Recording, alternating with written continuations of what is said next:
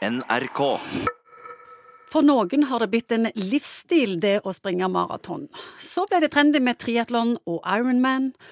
Nå er det beinharde hinderløyper som gjelder. Ekstreme kraftanstrengelser og glade amatører som skal teste grensene sine. Morten Munkvik, er det lurt? Fysisk aktivitet er jo lurt, men eh, man kan jo lure på om det blir for mye noen ganger.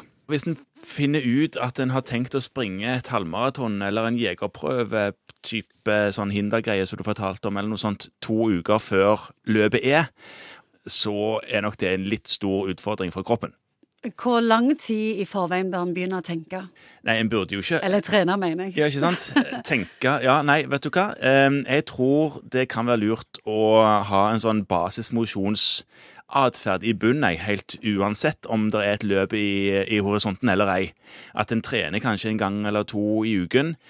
Og så kan en, hvis en har lyst, prøve å legge opp litt mer målrettet trening fram til et eller annet løp. Og da er det trenger en ikke å springe noe voldsomt langt første gangen en skal springe et løp. Det holder jo med å springe en ti kilometer. Det er langt nok for mange, det. Ja, Er det nok å springe ti kilometer når du skal springe maraton for første gang? Nei, sant, det er det ikke. Jeg snakker jo om de ekstreme. Ja, du snakker om de ekstreme. Det nytter ikke å prøve å springe en helmaraton hvis du holdt jeg på å si, i gåseøyne bare har drevet på og trent fram til en vanlig halvmaraton. Kroppen er ikke vant til å springe så langt. Og Da stopper det når du har sprunget litt av gårde på den andre halvmaratonen. Da stopper det opp, og du har ikke rett og slett nok mengdetrening i kroppen. Så det nytter ikke. Du må trene målretta fram til sånne ekstreme løp. Det pleier å være menn i 40-åra.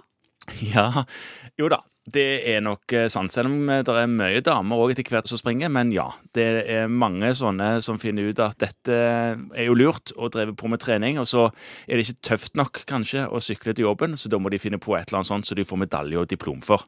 Ja. Har du prøvd å springe maraton? Maraton har jeg ikke sprunget mange ganger, fordi det, er, det har jeg ikke tid til å trene meg opp til, rett og slett. Men halvmaraton, det syns jeg kan være en versjon av gøy.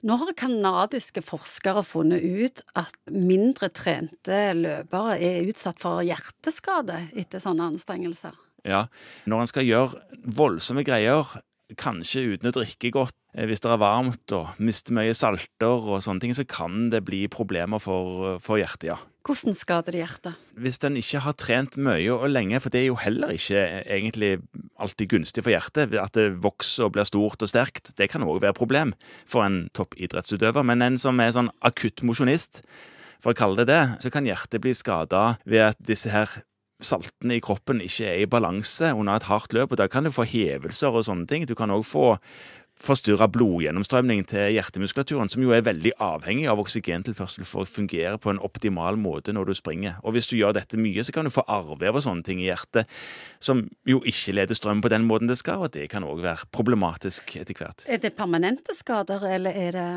noe som går over? Ja, noen av de tingene her kan være permanente. Hvis det hjertemuskulatur blir skada og man får arrvev i hjertet, det er jo det man vanligvis forbinder med infarkter og sånne ting. Det blir ikke hjertemuskler igjen, så det kan gi problemer både med hvor effektivt hjertet trekker seg sammen og pumper blod, og det kan gi problemer med hvordan hjertemuskelcellene leder elektrisk strøm, sånn at du kan få rytmeforstyrrelser. Men det med å få for lite oksygen i forbindelse med harde løp, um, eller at man får hevelser i hjertemuskulaturen, som òg kan skje, det er ting som går over igjen når man får restituert seg. Hvordan konkluderer vi når det kommer til maraton, for å ikke være helt negative? Det gir jo en rush av eh, naturlige stoffer som stimulerer opioidreseptorene i kroppen. Så man får jo en runners high, som det heter. Man blir rusa av å trene og springe langt. Så det er derfor de holder på? Det er derfor vi holder på.